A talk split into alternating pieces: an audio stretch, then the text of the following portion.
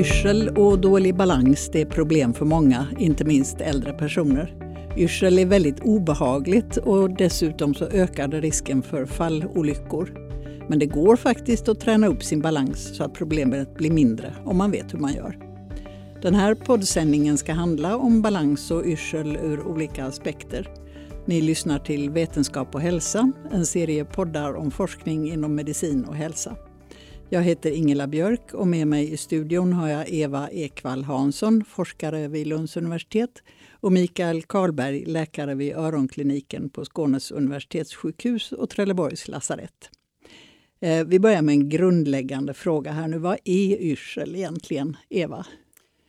Yrsel är ju ett upplevande. Man kan säga att, att yrseln är den känslomässiga manifesteringen av att någonting är fel i balanssystemet. Och balanssystemet då, Mikael, det är ett ganska komplicerat system där olika delar i kroppen är inblandade. Mm. Man kan ju säga att vi har ju de fem klassiska sinnen. Lukt, smak, syn, hörsel och känsel.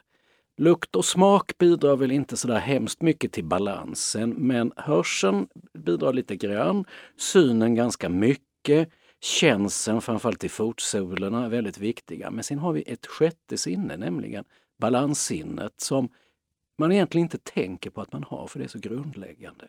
Så det är först när det slutar fungera som oj, blir man väldigt, väldigt, väldigt påtagligt medveten om det sjätte sinnet, nämligen balanssinnet eller som det heter vestibularissinnet. Och det är egentligen fem stycken organ i varje inneröra som dels känner av jordens gravitation, alltså vad som är upp och ner och som sen känner av när vi vrider på huvudet. Höger, vänster, upp och ner, alla plan och som också känner av när vi accelererar, det vill säga en bil som startar så känner man av det, eller när en bil som bromsar. Så Det där sjätte sinnet finns där hela tiden. Vi kan inte stänga av det som vi kan göra med många av de andra. Eh, det är väl så att yrsel inte oftast inte Eh, innebär att man är, om man har yrsel så är man inte nödvändigtvis gravt sjuk. Det är inte ett tecken på en sjukdom fast ofta kanske hör ihop med en del sjukdomar. Alltså att sjukdomen finns och den bidrar med yrsel också. Absolut. Det är ju, det är ju, yrsel är ju ingen sjukdom i sig, det är ju ett symptom precis som smärta är ett symptom på en skada eller en sjukdom eller illamående. Eh, så att ska vi säga rent, rent kröst, oj, oj, oj, jag har blivit så fruktansvärt ur, säger någon. Och så frågar jag, okej, okay, har du ont någonstans? Nej. Har du några andra symptom? Nej.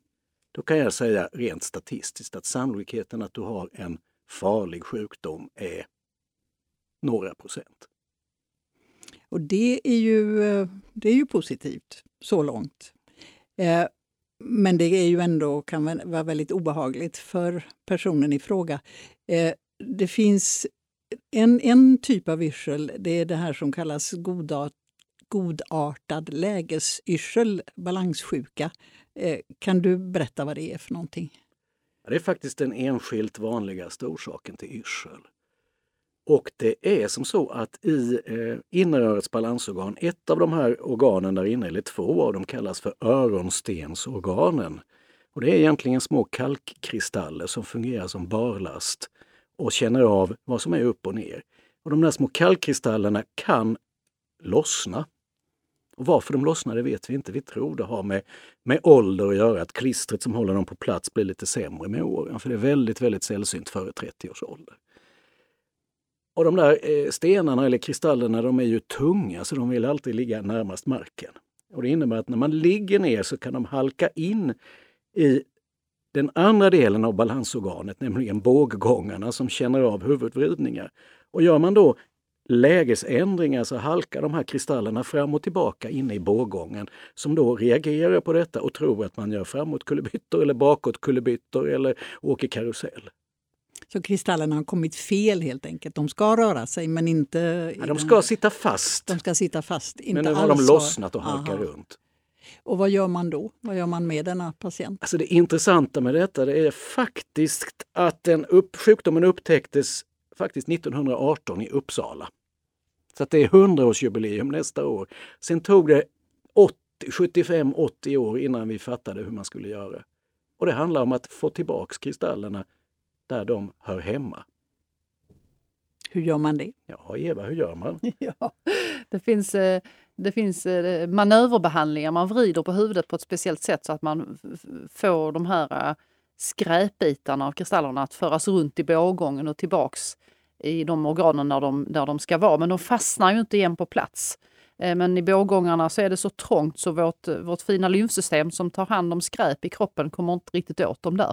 Utan de kommer åt dem där de då egentligen ska vara. Så det handlar om skräp i kroppen. Så när man har gjort en sån här ganska enkel, eller väldigt enkel behandling eh, som tar kanske några, mm, fyra minuter kanske, så för det mesta så mår patienten väldigt mycket bättre nästan omgående. Kan man göra det själv eller be någon familjemedlem att skaka ens huvud på något lämpligt sätt? Ja, man måste ju veta vilken bågång och vilket öra, så man behöver ju gå till, till, till någon som kan, eh, som kan undersöka ordentligt. Men eh, det är fullt möjligt att behandla själv och vi brukar ge ut instruktioner till de som, som vi har behandlat eftersom det är vanligt att det kommer tillbaks. Och då känner man igen det och då vet man hur man ska behandla. Eh, du sa, Eva, eh, när vi pratade innan det här programmet att det är många äldre som har den här balanssjukan utan att den blir diagnostiserad. Eh, varför är det så? Ja, äldre eh, har svårare att beskriva yrseln tydligt. Det är väldigt svårt att beskriva ett upplevande. Alla människor har ju svårt att beskriva sin yrsel, för det är som sagt en känsla. Men äldre har ännu svårare. Och därför så eh, är det svårare för eh, de som möter äldre personer i vården att tänka att det här kan vara kristallsjuka. Så alla som möter äldre i vården som uppger att de är yra på något sätt bör vara frikostiga med att undersöka för lägesyrsel eller kristallsjuka eftersom det är både enkelt att undersöka och enkelt att behandla. Men sen är det väl också så att äldre har oftare, oftare har problem med balansen utan att det är den här kristallsjukan eller någonting annat, utan det är bara mm, åldern har gjort det. Eh, ja, det, det, den näst vanligaste orsaken efter kristallsjuka till yrsel och ostadighet hos äldre är ju det som man kallar för multisensorisk svikt. Och det är ju inte en specifik eh, sjukdom i sig utan det är ju mer ett syndrom, att man får eh, åldersrelaterade funktionsnedsättningar i alla de sinnesorgan som hjälper till att hålla balansen. Och, och åker man iväg på undersökningar och kollar innerörat eh, för sig själv och eh, eh, synen för sig själv och så, så hittar man kanske inte så mycket. Det är inga, inga stora fel, men tillsammans när man lägger ihop det och när man då ska använda vårt fina balanssystem. Vi är ju liksom gjorda för att kunna springa barfota på en knölig savann och sikta eh, med ett spjut på ett villebråd som springer och så ska vi kunna kasta iväg spjutet och dessutom träffa. Så fint är ju vårt balanssystem. Så när vi då utsätter vårt system för någonting liknande, ute och går utomhus eller så, så eh, om inte alla, alla sinnen är på topp så kan man uppleva att man känner sig ostadig och gungig. Och det, det drabbar många äldre. Det kallas för multisensorisk svikt. Och då, så om man har eh, problem med balansen eller ofta känner sig yr så ökar risken för fall. Eh, och fallolyckor är väldigt mm. vanliga. Eh, det är tydligen faktiskt så att det är fler som dör av sviterna av ett fall än som dör av trafikolyckor. Och det, när jag hörde det så blev jag lite förvånad för att mm. man tänker man slår sig väl inte så illa om man ram, ramlar Nej. till golvet? Ja, om, om, du är, om du är gammal eh, och kanske då är skelettskör så slår du dig ju. Så eh, att de allra farligaste fallen, eller de, de fallen som leder till farliga skador sker ju hos äldre som då kanske dessutom inte har samma fallskyddsreaktioner som de som är yngre. Så det är ju lättare att hamna på höften och bryta höften när man är äldre än när man är lite yngre. Och då blir det eh, ett kraftigt våld på ett skelett som inte är så starkt. Och då har man då eh, kanske höftfraktur. Och det är ju inte höftfrakturen som gör att man dör av, av det, utan det är ju i sviterna efteråt. För som sagt, det är gamla och väldigt sköra människor som det drabbar. Så man får kanske en lunginflammation i efterförloppet. Och då är det det som man dör av, men inte av själva frakturen. Mikael, eh, vad är det för, för, människor som söker till öronkliniken för problem med balans och yrsel? Alltså är det mest eh, äldre som har den här eh, typen av att alla sinnen börjar bli lite vacklande? Eller vad är det? Nej, inte hos oss, utan där kan man säga eh, Det är egentligen alla åldrar. Och det är rakt över lite vanligare med kvinnor och yrsel än män och kvinnor. Sannolikt har det att göra med, alltså kvinnor har lite bättre förmåga att uppfatta vad som händer med kroppen och vad som händer utanför kroppen också. Lite, lite större vaksamhet. Och kvinnor har också lite större risk att drabbas av migrän. Och migrän är faktiskt en av de där sjukdomarna som vi sista 10-15 åren har lärt, sig, lärt oss att den kan faktiskt uppträda som bara attacker med yrsel och illamående. Och att huvudvärken det är migränens skal medan yrseln i sig är någonting som har mer med migränens kärna att göra. Så att alla åldrar, alla kön, alltså det, det, man, Många blir så fruktansvärt rädda och tycker det är så obehagligt så att man söker faktiskt väldigt, väldigt snabbt sjukvård. Jag har till och med gjort undersökningar på akutmottagningar med folk med olika neurologiska symptom akut. Och så har man bedömt ångestnivån. Och då är det som så, akut yrsel är mer ångestskapande än att plötsligt inte kunna röra arm och ben eller tappa synen eller någonting. Alla vet ju vad det innebär att inte se. Du kan blunda, du kan hålla för öronen så hör du inte. Eh, du vet hur du somnat, armen har somnat eller någonting sånt. Men plötsligt så har du tappat totalt kontrollen. Det är oerhört eh, otäckt och ångestframkallande.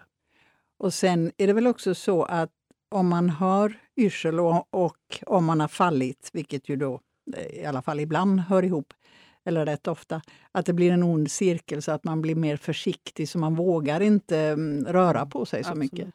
Mm.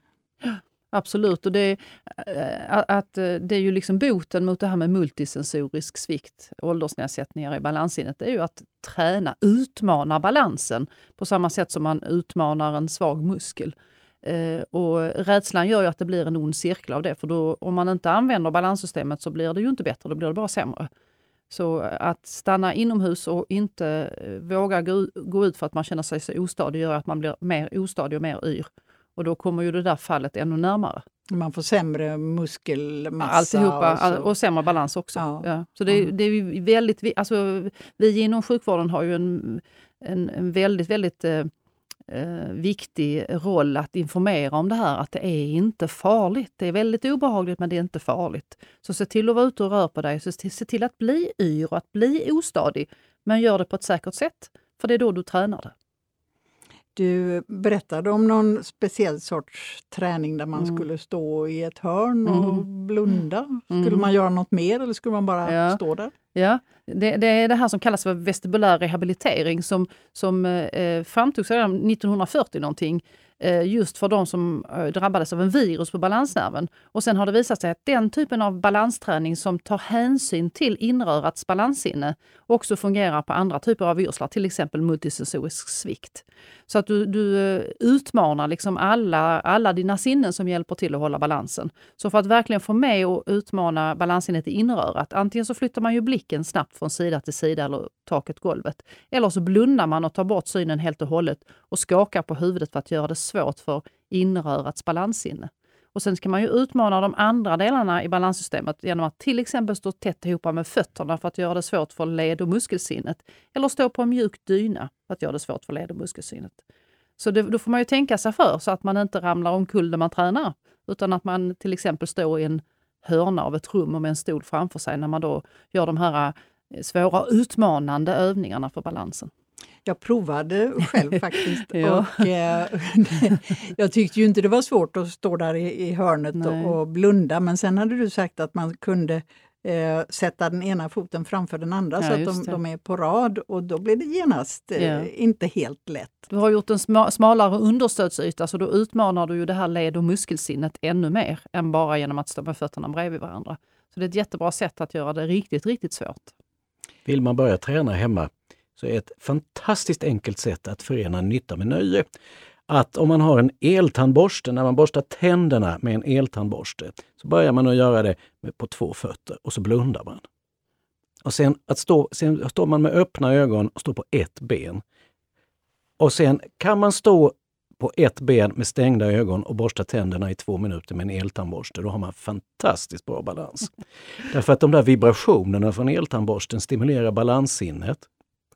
Så man blir förvirrad? Ja, det, det, är fantastiskt svårt. Prova när ni ikväll om ni eh, borstar tänderna och ser eh, hur, hur, fantastiskt svårt det är att stå på ett ben och borsta tänderna med en eltandborste. Ja. Det är mycket effektiv Och så får man träning. stå i ett hörn då också, Ja. så man inte ramlar. Ja, detta är ett tips till alla eh, som lyssnar. Eh, och du Eva ska eh, prova den här träningen för människor som har haft stroke, för där är det tydligen ofta problem med yrsel. Mm. Vi gjorde en studie där vi, där vi frågade alla som, eh, som hade nydebuterat stroke i Malmö om de också upplevde yrsel. Och det var 70 procent som upplevde yrsel. Och av dem så var det hälften som hade upplevt yrsel innan också. Men hälften hade upplevt yrsel i samband med stroken. Och då handlade det ofta om ostadighet och gungighet. Och det var väldigt många fler kvinnor eh, bland de med stroke som, som upplevde yrsel. Så nu håller vi på med en eh, en studie där vi prövar den här eh, specifika träningen även för personer med stroke. Och Mikael, ni har, det finns ett balanslabb här på sjukhuset. Vad gör, vad gör folk när de kommer dit? Ska de stå och borsta tänderna med Nej, där, där handlar det ju väldigt mycket mer om att försöka diagnostisera genom att testa olika delar av balanssinnet. Eh, för det är ofta där, det, det, det, mycket annat kan vi testa. Jag menar, det är ganska enkelt att testa känseln och eh, ledmuskelsinnet. Eh, men just balansorganen är svåra att komma åt, så då behövs det lite speciella tekniker för att undersöka dem. Så att vad vi egentligen gör är att eh, vi tar emot framförallt remisser ifrån allmänläkare, ifrån neurologer, från öron och halsläkare och, och försöker sätta ihop ett eh, diagnostiskt program och se hur fungerar de olika inneröresystemen? Finns det någon samtidig hörselpåverkan som kan leda misstanke på någon annan sjukdom? Och lite frågeformulär också där vi försöker bedöma grad av ångest och depression. För att eh, det är faktiskt som så att näst efter godartad lägesyrsel, alltså kristallsjukan, så är nog som så att eh, själsligt relaterad, om jag får säga det, alltså det finns egentligen inget, inget fel som vi kan hitta någonstans. Men man är, som vi säger i svenska på språket, man är ur balans. Ibland kan vi diagnostisera en tydlig ångestsjukdom eller depressionssjukdom som vi kan behandla, men ibland är det som så att vi hittar inte det heller. Men behandling mot ångest depression kan ofta göra fantastiska resultat. Så att det är en väldigt multidimensionell eh, bedömning vi försöker göra. Och det idealiska hade ju varit att vi hade haft eh, mer olika specialiteter på samma ställe. Men vår verklighet och vår sjukvård ser inte ut på det sättet utan vi har våra, våra fack, våra stuprör där alla jobbar. Mm. Är det då folk av eh, patienter av alla åldrar som kommer till Ja, faktiskt. Det är från, eh, från nästan ja, spädbarn som till exempel är födda då döva och som man ska eh, ge hörseln med sån här snäck implantat som vi vill se hur fungerar deras balans. Och så eh, upp över tonåren och upp till ja, 90-åringar ibland. Och kan ni i regel hjälpa dem? Alltså det, det är som så att det går nästan alltid att göra någonting. Precis som Eva säger, ibland är det så enkelt så att man bara kommer på att ja men det var ju, allting började ju där när jag trillade på den där klippan och slog ryggen. Ja, visst, ja. Och sen har jag varit så försiktig och inte vågat göra någonting. Så att bara det att man, och ibland har detta namngivningsceremonin, man får ett namn, du får en diagnos. Och så plötsligt, alltså, är det bara min migrän som har kommit tillbaka som yrsel? Ja men, Mm. ja, men då försvinner det precis som trollet. Och en förklaringsmodell tycker jag ofta att folk mår väldigt bra. Att, att veta att jaha, så här fungerar balanssystemet och det är det här som är felet på mitt balanssystem och jag kan själv göra någonting åt det. För ofta, även med de här då, som Mikael nämner med ångest och så, om man eh, kombinerar de, de medicinska åtgärderna med läkemedel och sånt tillsammans med träning, så når man ofta ganska långt med de ofta svårt sjuka patienterna. Eh, och, och, och, när man eh, går till en, en sjukgymnast, en fysioterapeut, så har man stora chanser att under den, som fysioterapeut har man stora chanser att under den tiden prata väldigt mycket med folk när de tränar. Så man har jättestor chans att rent pedagogiskt berätta vad som händer och hur saker funkar. Och det upplever jag att, att väldigt många med långvariga yrselsjukdomar mår väldigt bra av. kunskap är verkligen makt.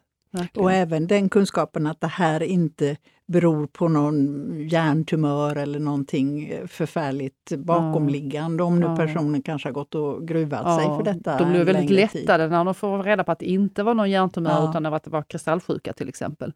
Väldigt lättade. Och, och ehm, som sagt, att eh, få veta att man själv kan göra någonting åt det har jag också uppfattat att det är en väldig lättnad för människor. Att man då man riktigt ser hur axlarna åker ner på folk. ja. Nu har vi talat om de som upplever problem och som har sökt sig till sjukvården men sen finns det ju eh, mycket, eh, många människor som har problemen som inte har liksom upptäckts.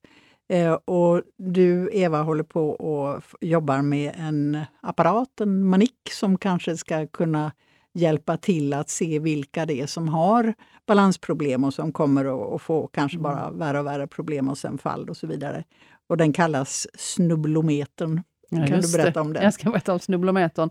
Eh, det, det finns en uppsjö olika sätt att testa balansen på. Och de liksom, eh, bästa sätten är ju i balanslabbet då på den här prostorografin eller på kraftplatta. Men det är ju liksom inte någonting som går att plocka ut i verkliga världen.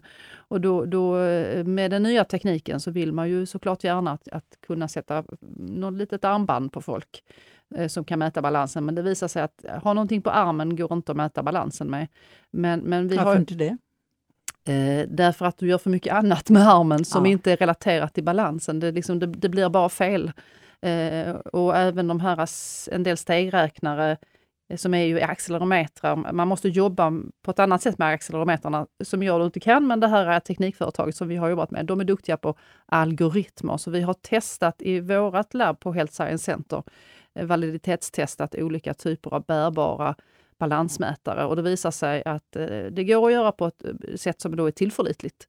Och det är vidareutvecklat till det som då heter snubblometern som vi hoppas ska kunna mäta balans även när man är ute och rör sig. Hur, hur balansen är när man sätter sig och reser sig, när man böjer sig fram för att ta upp någonting från golvet, när man går upp och ner från trappa och så vidare. Var har man den här grejen om Ja. man inte har den på armarna? Ja, man, man, man sätter den på låret. Så den går att eh, dölja under kläder och så. Och, och grejen är ju då att man kan få en mätning under lång tid. För man kan bara ha den på sig under en dag eller två eller flera veckor eller hur man nu eh, tänker sig att man behöver, att just den personen behöver mäta på. Och den här ska provas vidare Ja. nu under hösten i, i bland annat i Mikaels balanslabb. Men om allting fungerar som ni hoppas, vad, hur kommer den att kunna användas i framtiden? Ja, eh, vi ser ju flera olika användningsområden. Dels så ser man ju såklart eh, i fallförebyggande syfte att man skulle kunna använda på eh, särskilda boenden där det bor människor som är väldigt, väldigt eh, utsatta för, för risk att falla eftersom de är så sköra. Då kan man ju få en, en eh, överblick över hur veckan har sett ut när det gäller hur mycket man har rört sig och hur man har rört sig. Så då kan man ju se om det under en vecka har hänt någonting. Att här är massa siffror hos den här personen som då ser sämre ut än innan. Nu måste vi titta på vad som har hänt. Har den här personen ätit dåligt? Har den sovit dåligt? Är den orolig? Har det hänt någonting annat? Så man kan liksom sätta in åtgärder innan. Någon ny medicin som till exempel. kan göra detta? till exempel ja. Så att, um, det, det verkligt största risken för att falla det är att du har fallit en gång innan. Och det vi hoppas mycket på med den här snubblometern är att den kan upptäcka eh, nära fall. Så att man upptäcker när folk är i risken att göra sitt första fall. Så man kan identifiera de personerna som är i riskzonen att falla innan de har fallit första gången. För då kan vi verkligen jobba förebyggande. Och så skjuta upp det där första fallet. Ja, helst ska det ju inte ske alls. Nej. helst inte alls. Har du några mer exempel på hur man skulle kunna använda den här apparaten? Mm. Förutom på äldreboende eller om man är orolig för någon anhörig så kan man ju tänka sig att, att vem som helst som är intresserad av sin hälsa Eh, köper en sån här och, och eh, kan själv ha koll på hur balansen är. Eller om man till exempel redan har eh, brutit ett ben av någon annan anledning än ett fall, att man vill ha koll på hur man rör sig efteråt eller så. Så det är ju tänkt eh, att det ska finnas en väldigt bred användning av den här eh, rörelsemätaren, snubblometern. Det ska finnas både inom sjukvården, där liksom sjukvården Mm. har Mm. eh, erbjuder dem till eh, vissa patienter och, och man ska själv kunna skaffa till Ja. sig själv eller till någon anhörig. Så är det tänkt ja. Och det som vi som forskare då gör det är att vi eh, testar den så att den verkligen är tillförlitlig i sina mätningar så att den mäter det den säger att den ska mäta. Det är det som vi gör. Vi hoppas att detta ska bli verklighet i den relativt snara framtiden. Och eh, jag tackar mina intervjupersoner Eva Ekvall Hansson, forskare i Lund och Mikael Karlberg, läkare här i Lund och även i Trelleborg. Du har lyssnat till en poddserie om forskning som produceras av redaktionen vid Vetenskap och hälsa. Mer information finns på vetenskaphalsa.se. Du kan också följa oss på sociala medier.